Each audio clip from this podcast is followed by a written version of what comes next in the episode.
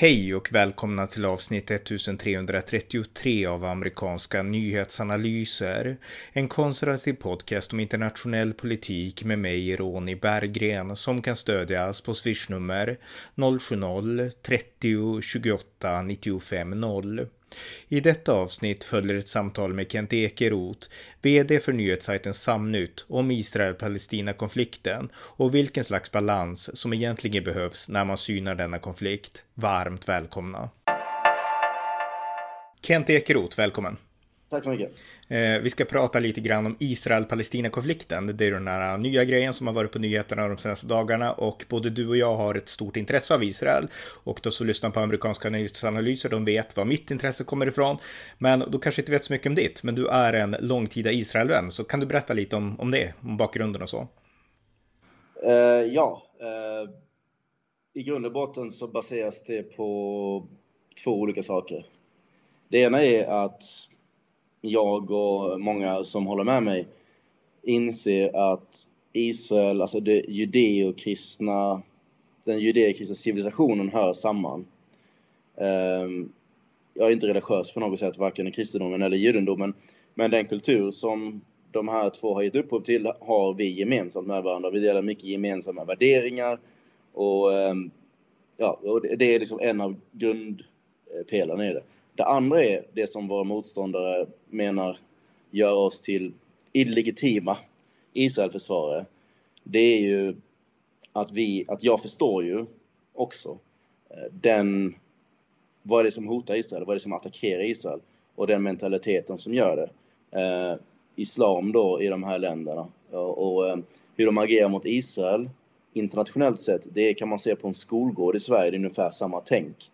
Ehm, det finns en ockupationsmentalitet ehm, och även då när man inleder en konflikt mot Israel eller på en skolgård så är det samma mentalitet. De inleder när man försvarar sig, då är det ens eget fel. Så det finns två, det är egentligen de två premisserna. Mm. Att man vill ha samhörighet med varandra kulturellt och sådär. Och vi har, står inför gemensamma problem med islams framfart där nere eller i Europa. Mm. Men jag tänkte din personliga, alltså när fick du upp, för det här är argumenten till varför du tycker att Israel är bra så, vi ska gå in på det i detalj lite senare, men jag tänkte den här personliga liksom, för du har ett väldigt djupt personligt intresse, visst har du judisk bakgrund och spelar in i så fall? Uh, ja, det har jag. Jag visste faktiskt inte om att jag hade judisk bakgrund förrän jag var typ, om jag minns rätt, tio år gammal eller gick i låg, eh, lågstadiet eller sånt där.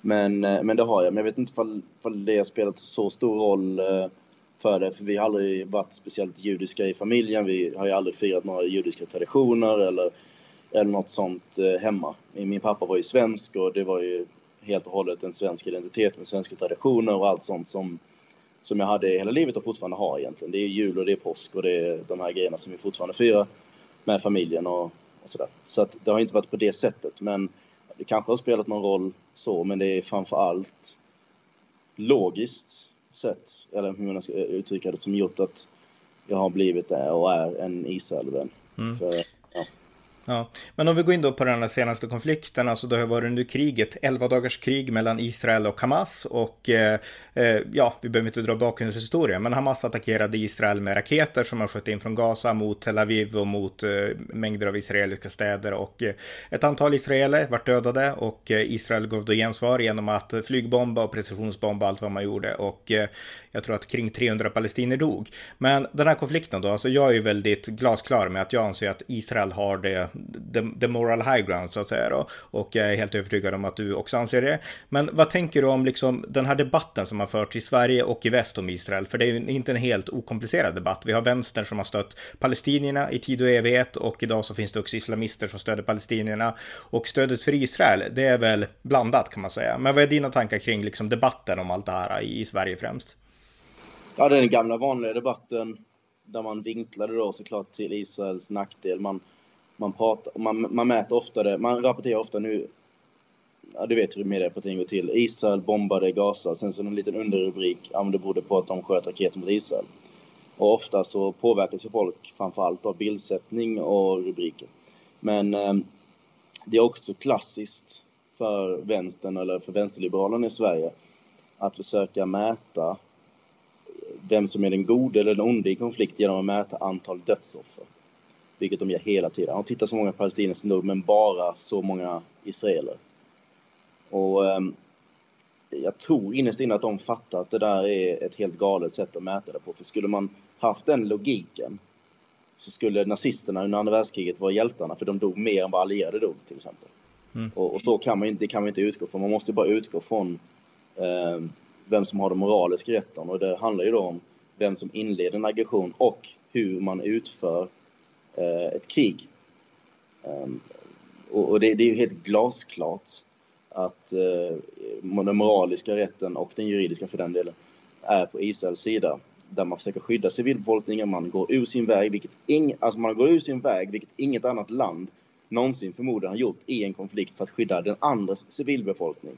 Man skickar flygblad för att eh, eh, uttömma byggnader, man undviker att bomba platser där man till exempel förvarar mängder med vapen för att civila är där och så vidare. Och så vidare. Så det finns hur många vinklar egentligen som helst att visa att Israel har den moraliska eh, rätten på sin sida. Mm, och det fanns ju en video, det var en ganska intressant video som IDF, den israeliska försvarsmakten släppte, där det var ett flygplan som flög över då Gaza och filmade och skulle, man skulle bomba helt enkelt en byggnad och sen såg man barn som lekte där nere och då sa, ja, flygoperatören då antar jag, han sa till de här piloterna att det är barn där nere, bomba inte ungefär, ni får, ni får liksom skjuta upp det här.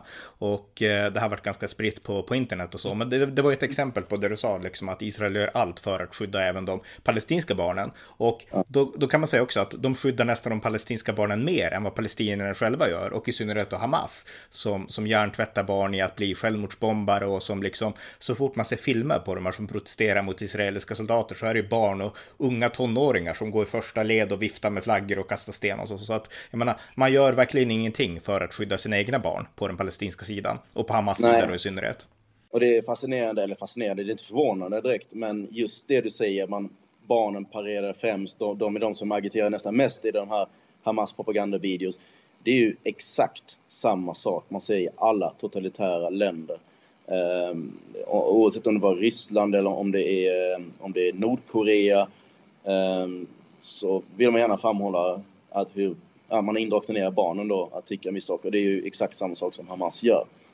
Och, och, det är väldigt svårt tycker jag. Det har varit svårt under alla år med Israelkonflikten att förstå vänstersidan och, och deras argument. Eh, ja, eh, Israel, eh, du vet, eh, de måste sluta ockupationen. Men, men vänta lite nu. Gaza gav de upp 2005. Helt och hållet. Till deras styre. Hur är det en ockupation då? Ja, då kommer de med nya argument. För de, de, de kommer aldrig nöja sig. Men oavsett vilka eftergifter Israel gör. Nu fick de Gaza. Ja, borde inte de i Gaza vara nöjda då? Nej, det är de inte. För då är det helt plötsligt ett utomhusfängelse. Som de kallar det.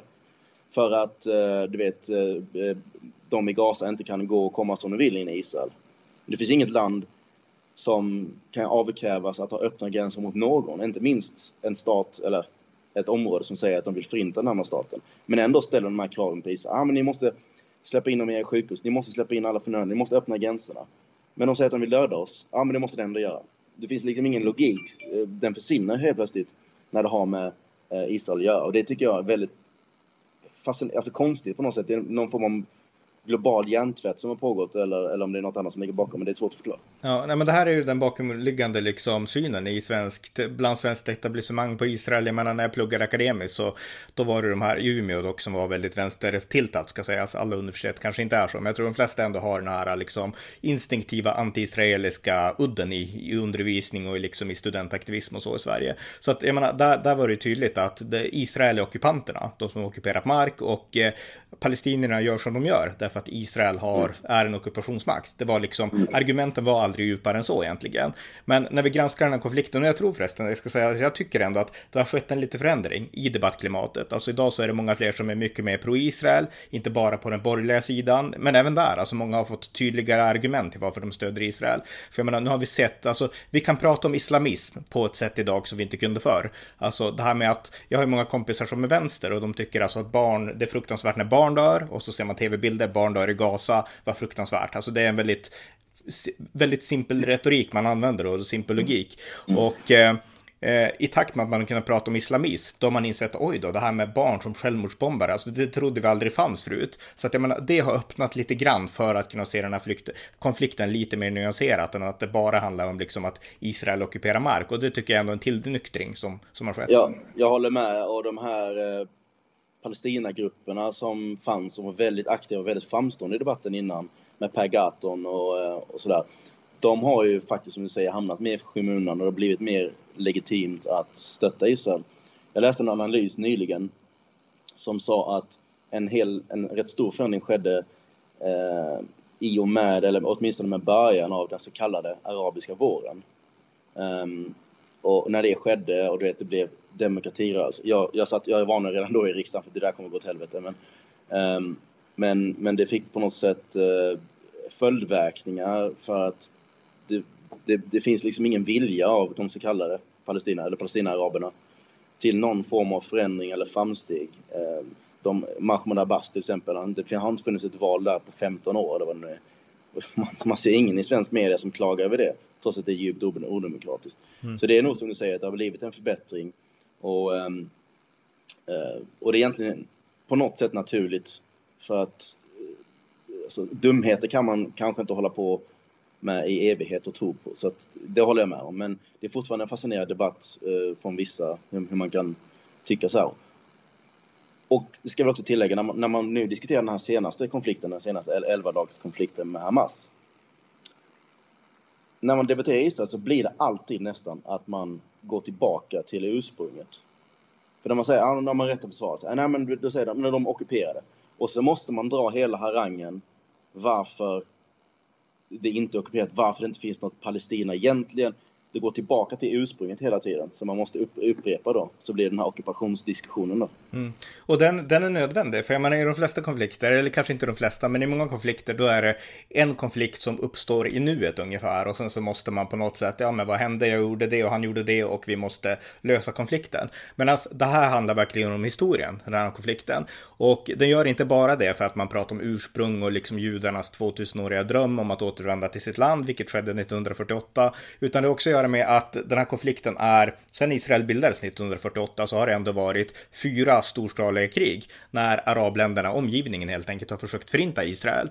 Och det måste man alltid ha i bakgrunden till varför Israel har en stark militärmakt och till liksom varför finns den här mentaliteten hos palestinierna inte minst och hos Hamas i synnerhet då, just det här med att Israel måste bort. Därför att Hamas är en terroriströrelse, terroriststämplad av både USA och EU och de har i sin charter, eller de har ändrat det nu, men de hade det fram till 2017, den här tanken på att eh, israelerna ska kastas i havet och att det ska vara ett, liksom, ett judefritt liksom, Palestina egentligen. Det är Hamas dröm, det är en terroriströrelse. Det är inte bara Hamas, Fatah och PLO också. Ja, fast lite mjukare då i så fall, i deras fall. Lite mjukare. Mm. Men om man kollar på eh, deras karta så, så är det ju hela Israel som är då Palestina, till exempel. Mm. På deras emblem. Um, och, och, det är många ledare, även idag, som är väldigt, inom Fatah och PLO, som är väldigt, väldigt tydliga med det där. Mm. Så, eh, så det är inte bara Hamas, det är bara att de har en lite, delvis lite annan retorik. Så. Ja, men historien är viktig i alla fall. Och jag, ett, nu pratar vi bara löst åt olika håll här, men det, du nämnde tidigare här med argumentet om moral och så. Alltså, ett annat hot som Israel är utsatt för, det är Iran då, och då man är rädd att Iran ska skaffa kärnvapen. Och ett argument jag minns när jag diskuterade det här på universitetet för 15 år sedan, för det var ju debatter och förhandlingar om det här redan då mellan EU, USA och Iran.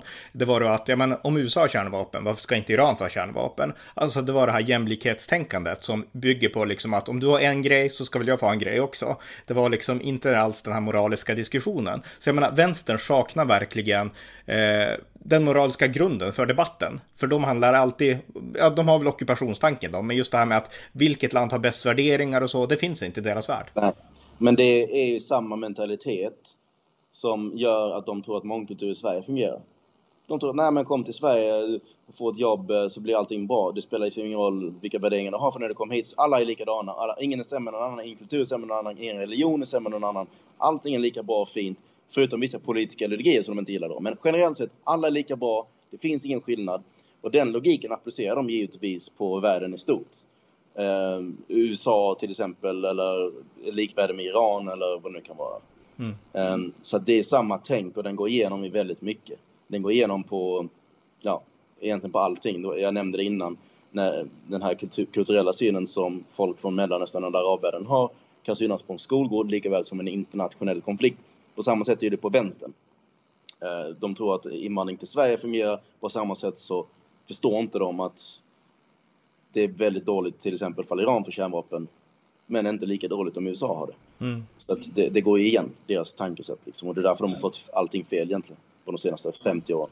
Verkligen. Men, men alltså vi bör avrunda just det här med liksom betona de här moraliska argumenten. Israel är en demokrati. Nu finns det fler demokratier i Mellanöstern. Man brukade säga att Israel är den enda demokratin, men idag har vi en del andra också. Men Israel utan tvekan fortfarande den bästa demokratin. Den demokrati som garanterar individuella friheter, eh, garanterar religionsfrihet och garanterar liksom rätten för homosexuella att leva så som de vill i Tel Aviv i synnerhet och så. Och eh, jag menar, det är en västerländsk demokrati skulle jag säga, medan Irak, det är en irakisk demokrati som fortfarande har en väldigt liksom grundbottsresonans i islam, medan Israel har såklart judendomen, men också liksom ett väldigt västerländskt tänkande, vilket beror på att vi har samma grundläggande judeo-kristna värderingar då liksom. Så att mm. eh, eh, det, det, är liksom det argumentet för liksom Israels moral high ground skulle jag säga då. och Israel försvarar sig då mot totalitära krafter som vill förinta Israel. Så att det är liksom grunden för det jag tänkte prata om, men jag skulle också vilja prata lite grann om reaktionerna ute i världen, därför att det vi har sett nu, det har ju varit väldigt mycket mycket eh, liksom demonstrationer mot Israels krig då, inte minst här i Sverige. Det har varit många demonstrationer i ja, svenska storstäder och så mot Israel.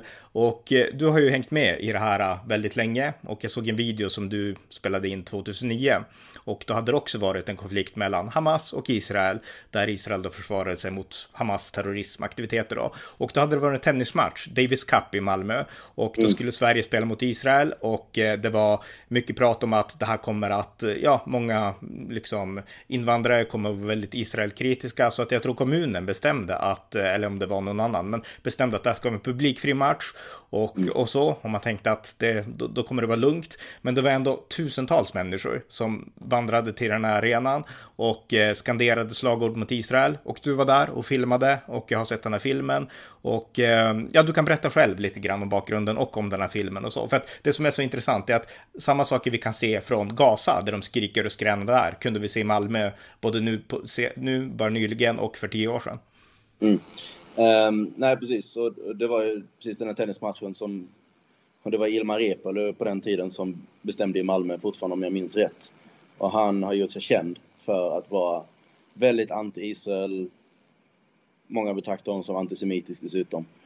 Och um, han, han eh, gjorde då så att den ska spelas med publik och så bildas det då det klassiska tåget av vänster, eh, Nissa, SSU och socialdemokrater, vänsterpartister, alla vänstergrupper kan tänka dig. Ehm, och tillsammans då med arabiska grupperingar som, hade, eh, som också gick där hade en viss del i den här demonstrationen. Och de skanderar då den här gamla klassiska arabiska harangen om att armés, eh, Mohammeds armé ska komma tillbaka och eh, judarna ska, han ska döda judarna då. Vilket gamla media inte uppmärksammade förrän eh, jag tror att den här videon kom ut, eller jag, jag kontaktade dem, då uppmärksammas lite grann. Um, och eh, du säger att det är samma sak som de skanderar där nere och det är precis samma sak. Det är samma ockupationsminoritet. Jag kommer ihåg, det var en demonstration för Israel som judiska församlingen i Malmö anordnade. Fredlig demonstration på Stortorget eller något, något torg, jag kommer inte ihåg vilket det var, i Malmö. Och då blev det också den attackerad av en arabisk mobb helt enkelt. Som, eh, och fick avbrytas och den här judiska lilla gruppen fick fly därifrån medan polisen stod passivt på. Ehm, och det är också den här ockupationsmentaliteten. De här invandrarna till Sverige, araberna, och sen så tror de att de har rätt att bestämma då på gator och torg vad man får säga och inte säga i ett öppet demokratiskt samhälle som Sverige ändå fortfarande är. Ehm, och de har samma tänk, samma mentalitet och, och, samma sätt att se på det här är vårt område nu, ni får inte göra vad ni vill. Eh, så det är inte förvånande att de drar de här historiska parallellerna till vad Muhammed gjorde med judarna. Eh, och det där också, de drar mycket av deras antisemitism från, det är från islam själv, men även givetvis arabisk kultur och historia. Då.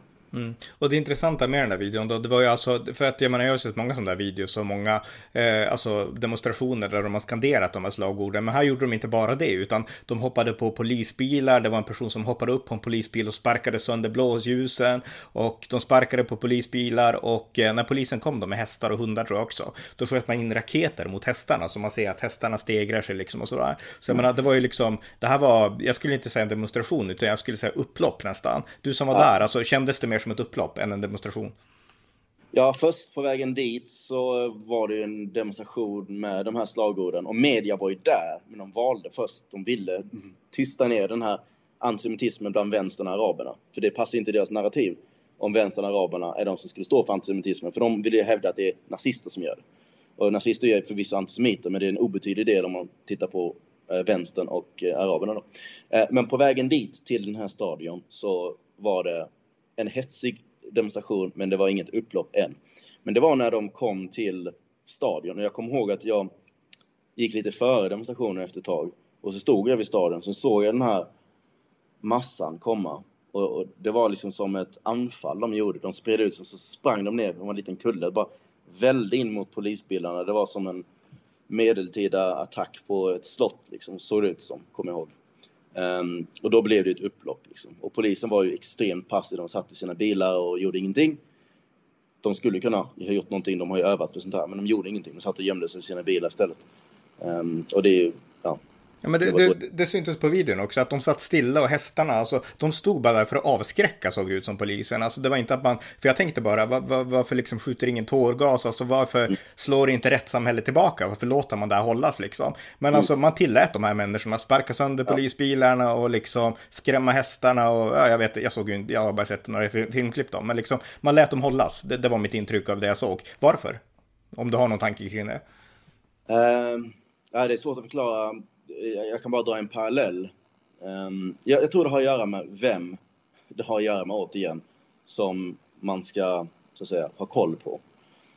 Det var ju en demonstration ett år tidigare i Malmö, jag tror det var 2008, European Social Forum. Det var en sån vänsterdrägg eh, demonstration. Och då beordrades ju polisen att hålla sig, hålla sig passiva medan den här vänsterdemonstrationen i princip krossade Malmös innerstad och förstörde massa skyltfönster. Det blev upplopp igen då. Och polisen beordrades att ha en passiv approach. De beordrades till och med att ta sig sina hjälmar för att inte provocera de här ligisterna då. Och jag kan mycket väl tänka mig att det är exakt samma eh, tänk som man hade i den här demonstrationen. Man ska vara passiva, man är rädd för att om polisen tar i med hårdhandskarna så blir det ännu större upplopp. Det är ungefär samma anledning som polisen kan gripa in mot coronaprotestanter men inte Black Lives Matter eh, demonstranter. Jag tror att de eh, helt enkelt är rädda för konsekvenserna av att de upprätthåller rättssamhället, vilket är sorgligt i sig. Men jag kan inte komma på någon annan anledning. Nej.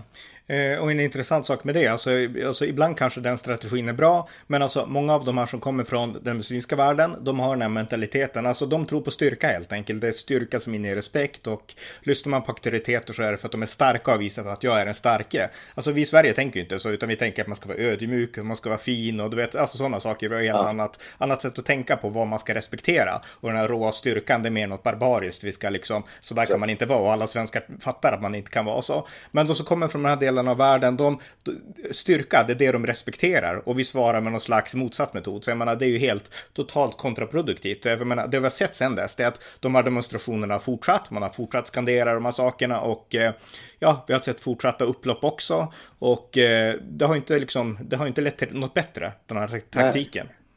Nej, precis, och det är exakt som du säger och det är lite, det är lite så här, att vara liberal, det funkar jättebra bland liberaler. Och hela det svenska samhället och rättsväsendet är ju anpassat efter svenska och svensk mentalitet. Och inte bara rättssamhället utan allting i samhället. Jag menar hur allting fungerar. Bara en sån sak till exempel som att utföra bankärenden, att eh, öppna ett nytt internetabonnemang, att uh, göra någonting. I Sverige, jag kommer ihåg den här skillnaden när jag bodde i Australien ett tag. I Sverige när man ska öppna någonting, man ska, ja, internet eller telefon eh, eller något sånt där.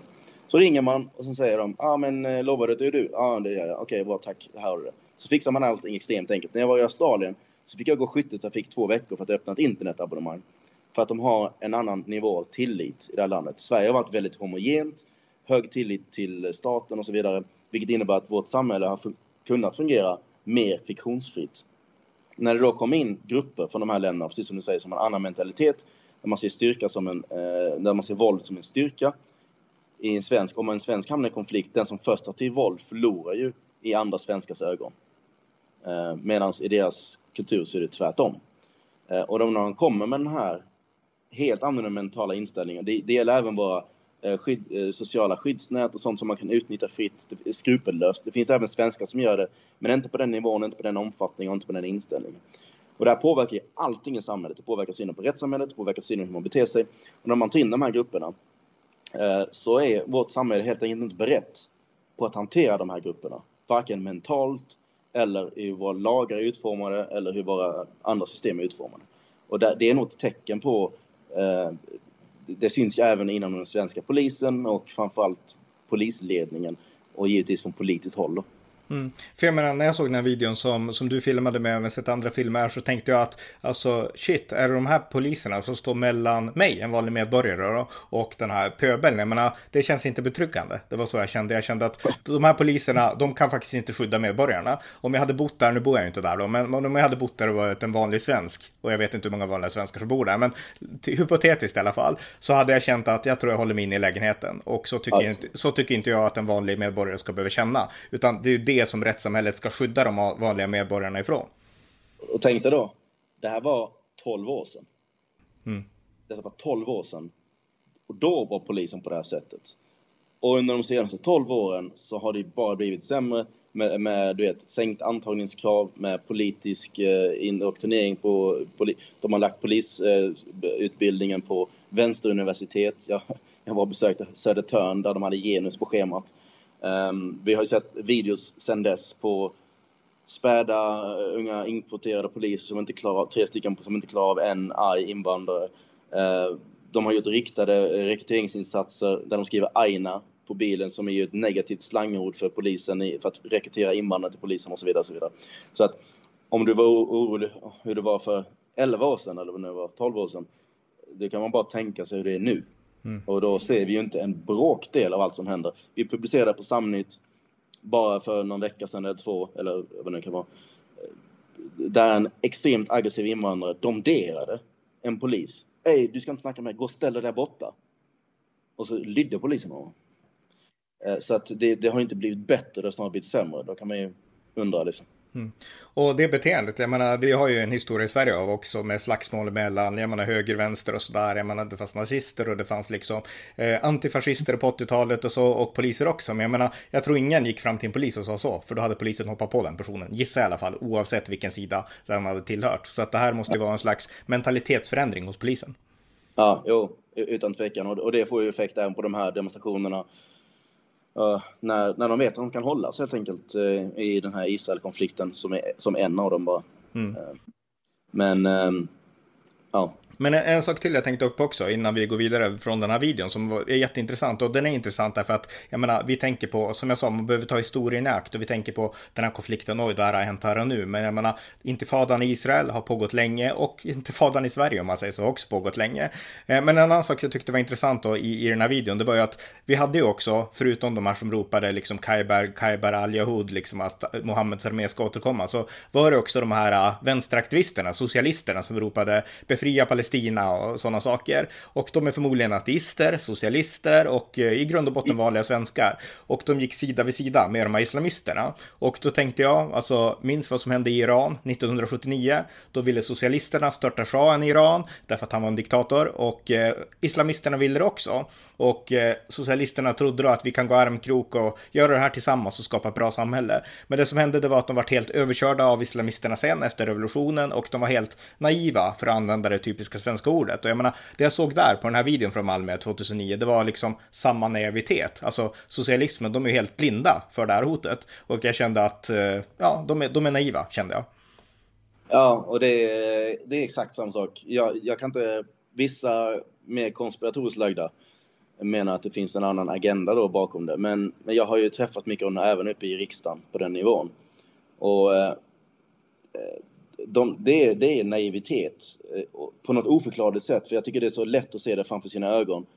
Det, kan, det, är svårt att vara naiv när man ser hur de beter sig i Sverige. När man bara går på den demonstrationen måste ju fått vänstern logiskt sett att ta bort ut, men de har ingen logik. Och eh, det, det är på något sätt eh, ett, någonting som tydliggjorde det här, deras känslomässiga irrationella inställning till detta och mycket annat det var ju när, vad var det, Åsa Romson eller vem var det som grät på en presskonferens när man var tvungen att strama, strama åt invandringen lite grann för några år sedan. Eh, det var väl Åsa Romson? Ja, kanske. Ja, jag är inte säker. Någon, någon av dem, mm. vem var det? Jag måste bara kolla upp det. Gör det. Ja, men gör det. Grät presskonferens. ja, ja, men det är lugnt. ja, det, men det var, det var Åsa Romson, precis. När han skulle strama åt invandringen. Och det är ju samma mekanismer som de här vänstern. De är väldigt känslomässiga. De har gått på årtionden av propaganda i media om de hemska ockupanterna i Israel och, och hej och hå. Så har de det här, de kan, de stöter ifrån sig all form av logik förrän kanske de du vet, råkar ut för någonting personligen någon dag när det brinner i deras brevlåda eller i deras hem. Liksom.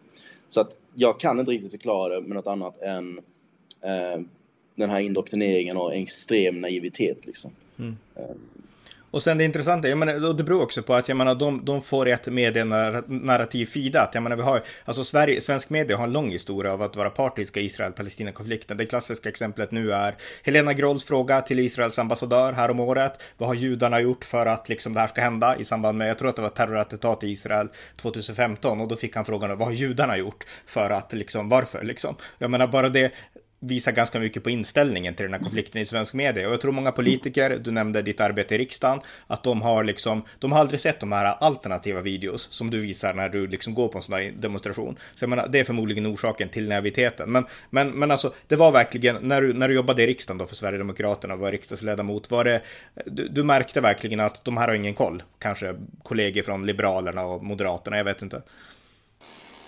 Ja, det märkte man ju. Eh, jag kommer ihåg framför allt när vi kom in i riksdagen precis 2010 där och då, då fanns det på den tiden något som kallades allmän politisk debatt som hölls en gång varje år. Och så kunde alla gå upp och så kunde man, hade man olika ämnesområden som man ville prata om då, så var det fritt att prata om. Och eh, de hade ju all, vi hade ju pratat invandring hela våra liv. Vi hade hört alla dumma argument många, många gånger innan. De var inte vana vid det i riksdagen. Och, eh, och då var det någon som sa, åh vad hetsk debatt det blev sa någon i riksdagen. Jag kommer ihåg att jag blev intervjuad av Sveriges Radio. Eh, och då sa jag liksom bara, om de tycker den ordnade debatten där man får två minuters inlägg var, man säger herr talman, man pratar, om de tyckte den debatten var hetsk, eh, då har de inte varit med om mycket. De har, inte, de har förmodligen inte varit på en enda skoldebatt. Det är hetskt.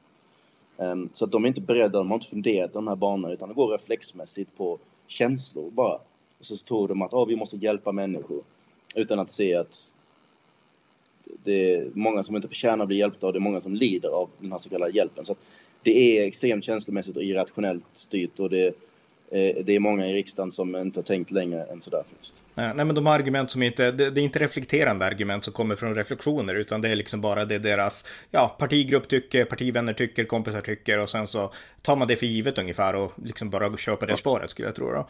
Men, ja. men, jag, men jag tänkte också, alltså, nu har vi pratat lite grann om dels lite om vår syn på Israel-Palestina-konflikten, att Israel har the moral high ground och sen också att den här liksom internationaliseringen av konflikten då, alltså den, den påverkar verkligen Sverige till det negativa skulle jag säga då. Och sådär. Men jag tänkte också, det finns också en diskussion om vilka som tar ställning för olika parter i, på de här sidorna då liksom. Och jag läste en artikel av liberalen Fredrik Malm som jag har intervjuat och i grund och botten tycker är ganska vettig för att vara liberal och schysst och som person och så. Men, men i alla fall, han skrev så här då att eh, den här konflikten är, eh, alltså den behöver balans, den har inte balans och han menade då att Hamas är självklart en terroriströrelse, han är väldigt tydlig där, vilket jag tycker är jättebra. Och den här artikeln, jag kan säga att den skrevs i Dagen, den kristna tidningen Dagen, balans saknas i ensidig debatt om Israel-Palestina, där skrev skriver Fredrik Malm då, som är riksdagsledamot för Liberalerna. Eh, men han skriver också att de här som stöder Israel, alltså där finns det också, om extremisterna Eh, i Hamas eh, är på en kant så finns det också extremister som stöder Israel.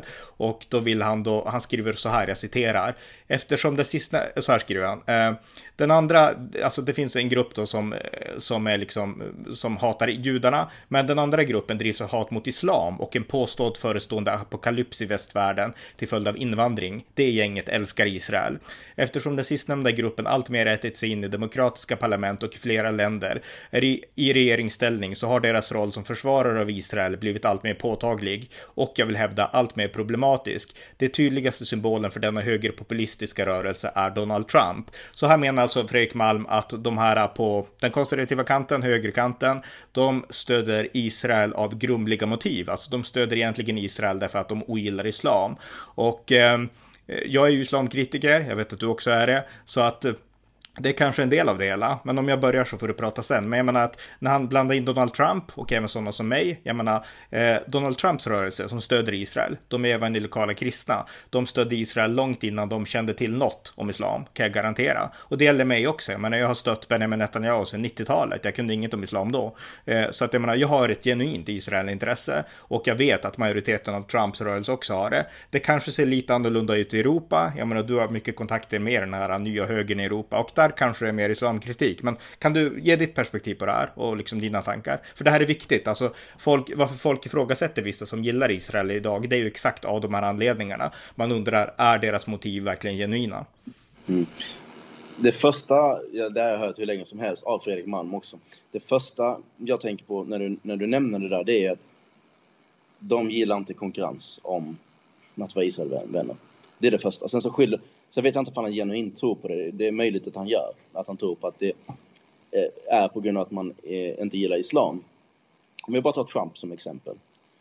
Han, han tog upp Trump i samma veva. Och den här högen som är dåliga, som inte gillar Israel på riktigt. Om man tittar då på Trump. Vilken president i historien har gjort mer för Israel än Trump? Det, kan, det, måste, det måste nästan vara, vara Trump. Eh, eller åtminstone så hamnar han väldigt högt upp. Jag kan inte tänka mig någon som så omedelbart och kompromisslöst bara, ah, men flytta ambassaden. Vi eh, har och, gjort allt det han gör, eh, har gjort för Israel. Det, det, det som var omedelbart. Och om den sortens vänner är dåliga att ha enligt Fredrik Malm, då är han ute och cyklar. Du kan bara fråga israelerna själva vad de tycker om Trump. Fråga Benjamin Netanyahu som är bara Israels längst sittande premiärminister någonsin vad han tycker om Trump. Jag menar, det betyget är ju långt mycket viktigare än vad Fredrik Malm tycker mm. till att börja med. Um, och sen det här med uh, om man, uh, att det har med islam som jag var inne på i början. För vissa i högern så kan det kanske ha börjat med, aha, ups, beter sig muslimerna och araberna så här i Europa eller mitt land. Aha, då kanske man får mer förståelse för Israel som man kanske inte hade. Man kanske gick på den här indoktrineringen även från högerns sida eh, som har varit i media. Det kanske började där. Och sen så öppnar man ögonen lite och sen tänker man, aha, då lärde man sig mer om Israel och sen så insåg man, okej, okay, vi har många likheter och så kom man in på det här spåret som jag menar då, att det här judeo-kristna eh, gemenskapen. Um, det är möjligt att börja för vissa med islam, för andra så började det med att man genuint tyckte att man hade mycket gemensamt med dem. Men jag förstår inte riktigt problemet, oavsett vilken ände man börjar i, så måste det ju viktigt, alltså för en Israel eller en jude eller någon annan i Israel så spelar det ingen roll hur det började. Eh, det viktiga är att man tycker det på riktigt. Och jag tror, av, av dem jag har träffat ute i Europa, bland högern, så eh, förefaller mig vara verkligen genuint. Mm. Jag menar, det, det, du var inne på, det finns verkligen en konkurrens, alltså hur man ser på liksom, för jag menar alla egentligen vill på något sätt stå på god fot med Israel. Jag menar, Socialdemokraterna vill det, de vill verkligen betona judars rättigheter och sådana saker. Men jag menar, de har också sina motiv och så här och, och sådär. Och Liberalerna vill det onekligen, alltså Liberalerna har en historia av att vara Israelvänner, något annat går inte att säga. Men, men Liberalerna är också partiet som på något sätt eh, de är inte konsekventa. Därför att de tycker till exempel att Israel är jättebra och de försvarar israelisk politik. Eh, Medan de skulle vara helt emot att Sverige liksom började applicera israelisk immigrationspolitik till exempel. Det skulle de mena mm. var rasism och sådana saker. Men om Israel gör så, så är, så är det en annan sak. Så att jag menar, de är inte konsekventa så, men de är ändå Israelvänner. Så att, men jag menar, det finns konkurrens här och eh, där finns det också misstänkliggöranden åt olika håll. Min kritik mot Fredrik Malm och så, det är inte att han ogillar Israel. Han är ju absolut inte antisemit, utan han är Israelvän. Men jag tror också att han är lite eller han är inte naiv, alltså han är inte naiv mot Hamas och islamisterna, det är han inte. Men, men, men han är fortfarande liksom för mycket liberal för min smak, alltså jag är ju helt i... Aha, ja. Alltså vad, vad det är, är liksom att de är socialites. Ja, i retoriken så är de ju mer Israelvänliga och om de fick bestämma fritt så skulle kanske i politiken vara något mer Israelvänliga också. Men under den borgerliga regeringen, vad hände liksom konkret med Israelpolitiken? Förutom att retoriken möjligtvis är lite bättre. Absolut ingenting de erkänner inte Jerusalem som huvudstad. De drog inte in bidragen till terroristorganisationer i Fatah, PLO eller Hamas. Eh, de, eh, eh, vad gjorde de liksom? De, de, de har fortfarande det här och ockupationstänket hit och dit. De, de har inte, de, alltså, jag vet inte ifall Sverige på den tiden heller opponerade sig i FN i någon högre grad mot alla de här idiotiska resolutionerna som kom. Vad har Sverige gjort under de så kallade Israelvännerna med Liberalerna i spetsen? eller Moderaterna eller vad det nu kan vara. Ingenting egentligen av konkret värde, förutom, att vi hade Carl Bildt såklart, som, är, som hatar Israel förvisso, men, men, men eh, de har inte gjort speciellt mycket. Um, så att det är mycket snack och lite hockey. Snack är bra.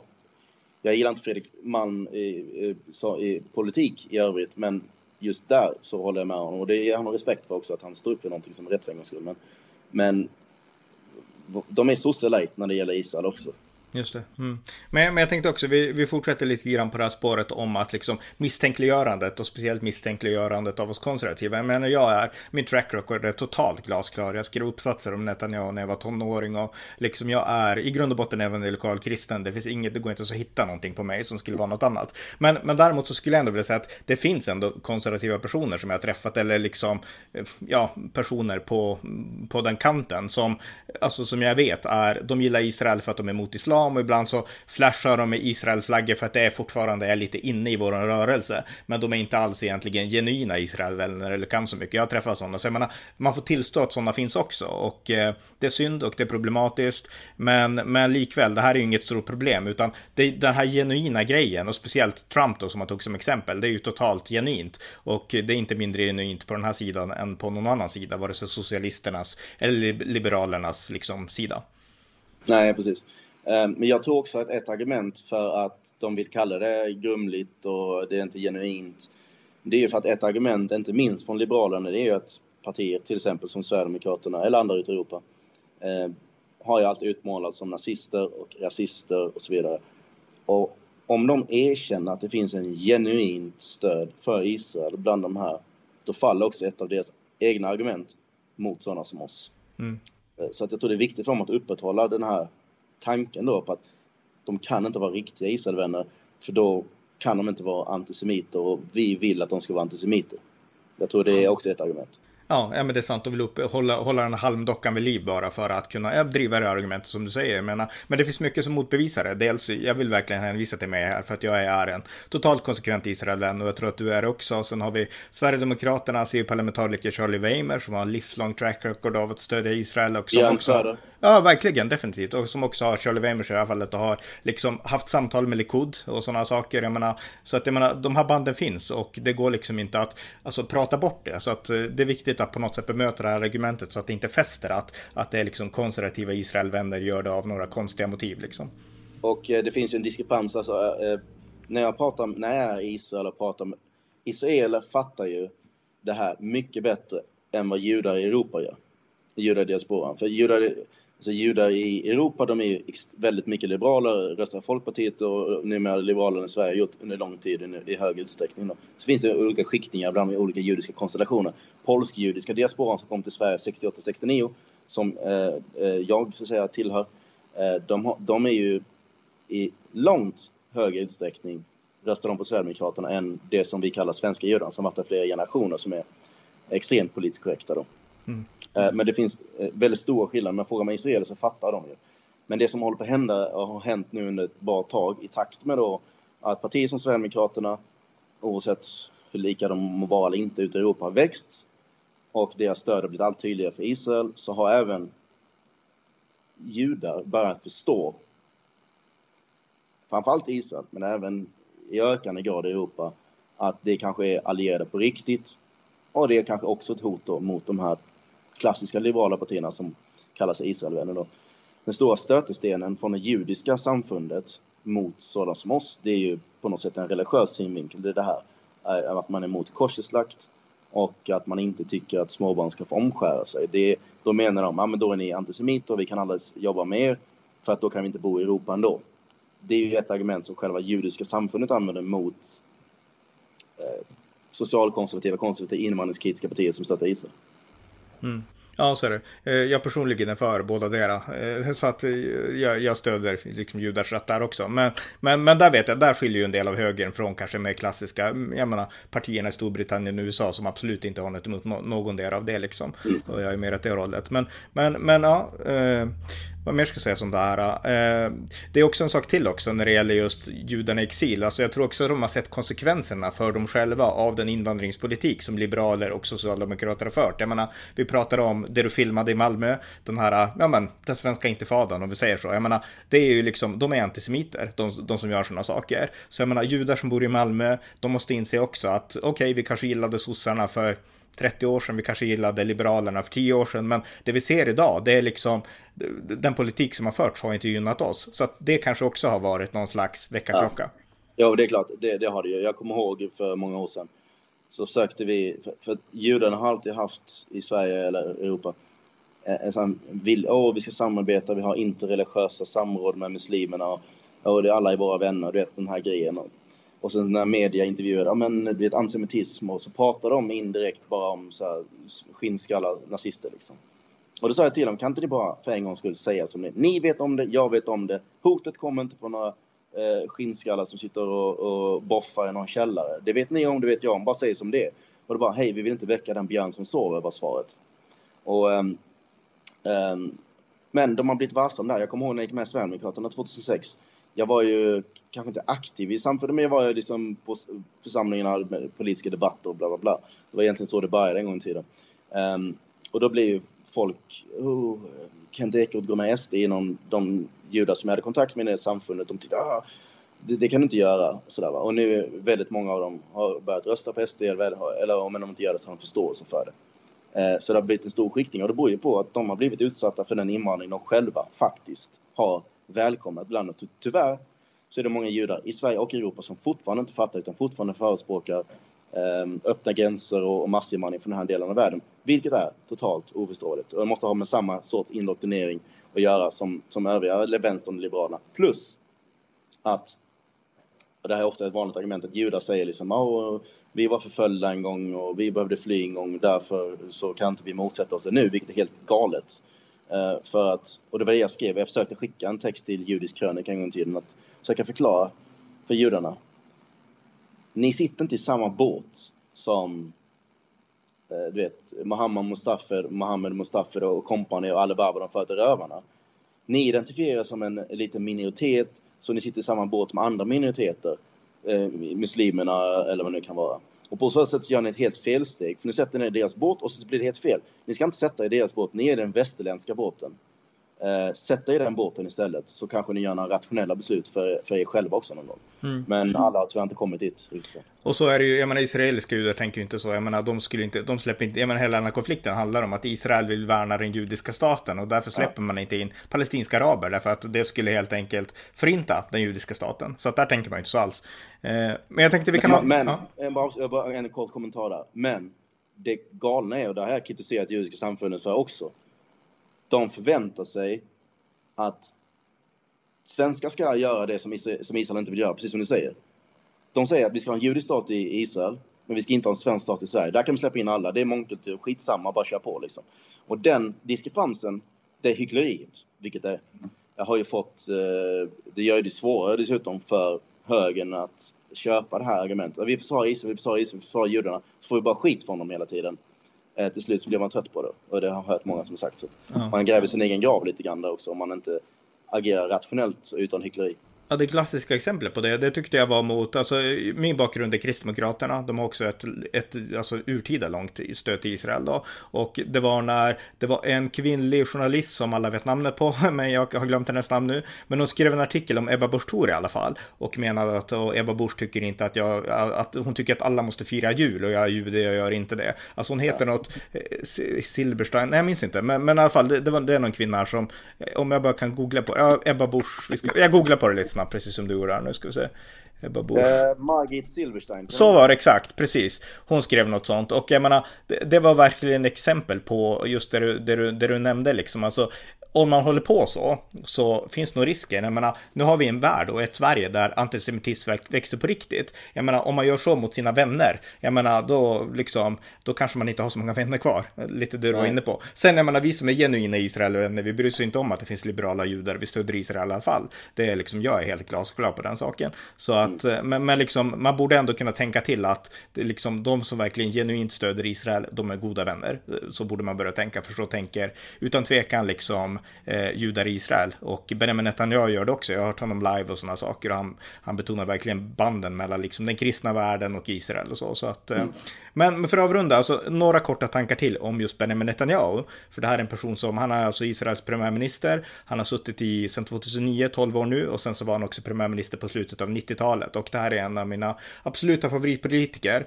Och jag tycker i den här konflikten har han verkligen visat ledarskapsförmåga på ett sätt som man sällan ser moderna politiker göra. Alltså, vad tänker du om det? Jag har alltid gillat eh, uh, Netanyahu också. Um, jag vet att när jag pratar med Israel så är det många som är kritiska för hans inrikespolitik, eh, skatter och bostadspriser och, och minimilöner och du vet sådana grejer. Som inte jag riktigt är insatt i av den enkla att jag inte bor där. Men uh, jag tycker han är, väl, han är en av mina absoluta favoriter någonsin. Jag har också följt han länge han är väldigt bra retoriskt. Han är uh, uppenbarligen väldigt bra på engelska så att det blir lätt också att följa honom uh, som, för en som inte kan hebreiska. Och ehm, um, han, han, som många, de flesta egentligen, israeliska ledarna har själv en erfarenhet från militären, från att ha deltagit i att försvara landet. Så han har också den säga, instinkten och det perspektivet. Men han är väldigt tydlig, uh, han, är, han är tuff, men fortfarande diplomatisk som också anpassar sig efter vad man ibland måste göra. Men jag har alltid gillat honom och ehm, eh, jag har alltid gillat hans principfasthet av det jag kan se i alla fall.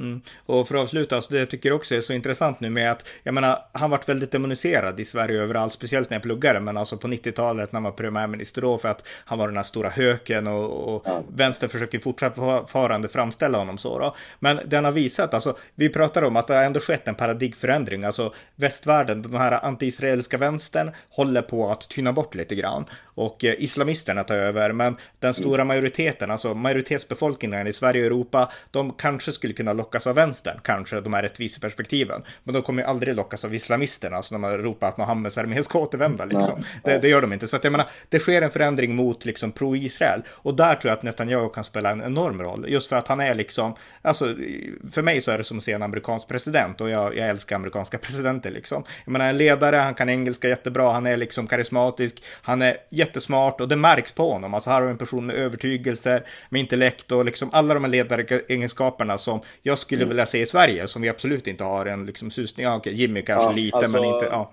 Mm. För, för någon Israel-motståndare möta Netanyahu i debatt skulle jag inte vilja göra för att vara Israel-motståndare till exempel.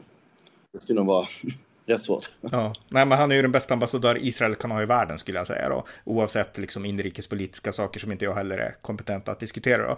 Men okej, okay, eh, har du något mer att tillägga eller ska vi avrunda så här? Uh, nej, inte direkt inte jag kan komma att tänka på. Nej, okej, okay, men då har vi samtalat om Israel och uh, de senaste händelserna, de senaste tiden. Så tack Kent Ekeroth. Tack själv. Det var avsnitt 1333 av amerikanska nyhetsanalyser. En podcast som finns för att ge det konservativa perspektiv på världen som svensk media inte ger. Stöd gärna med en gåva på swishnummer 070-30 28 95 0 eller via hemsidan på Paypal, Patreon eller bankkonto. Det var allt för idag. Tack för att ni har lyssnat.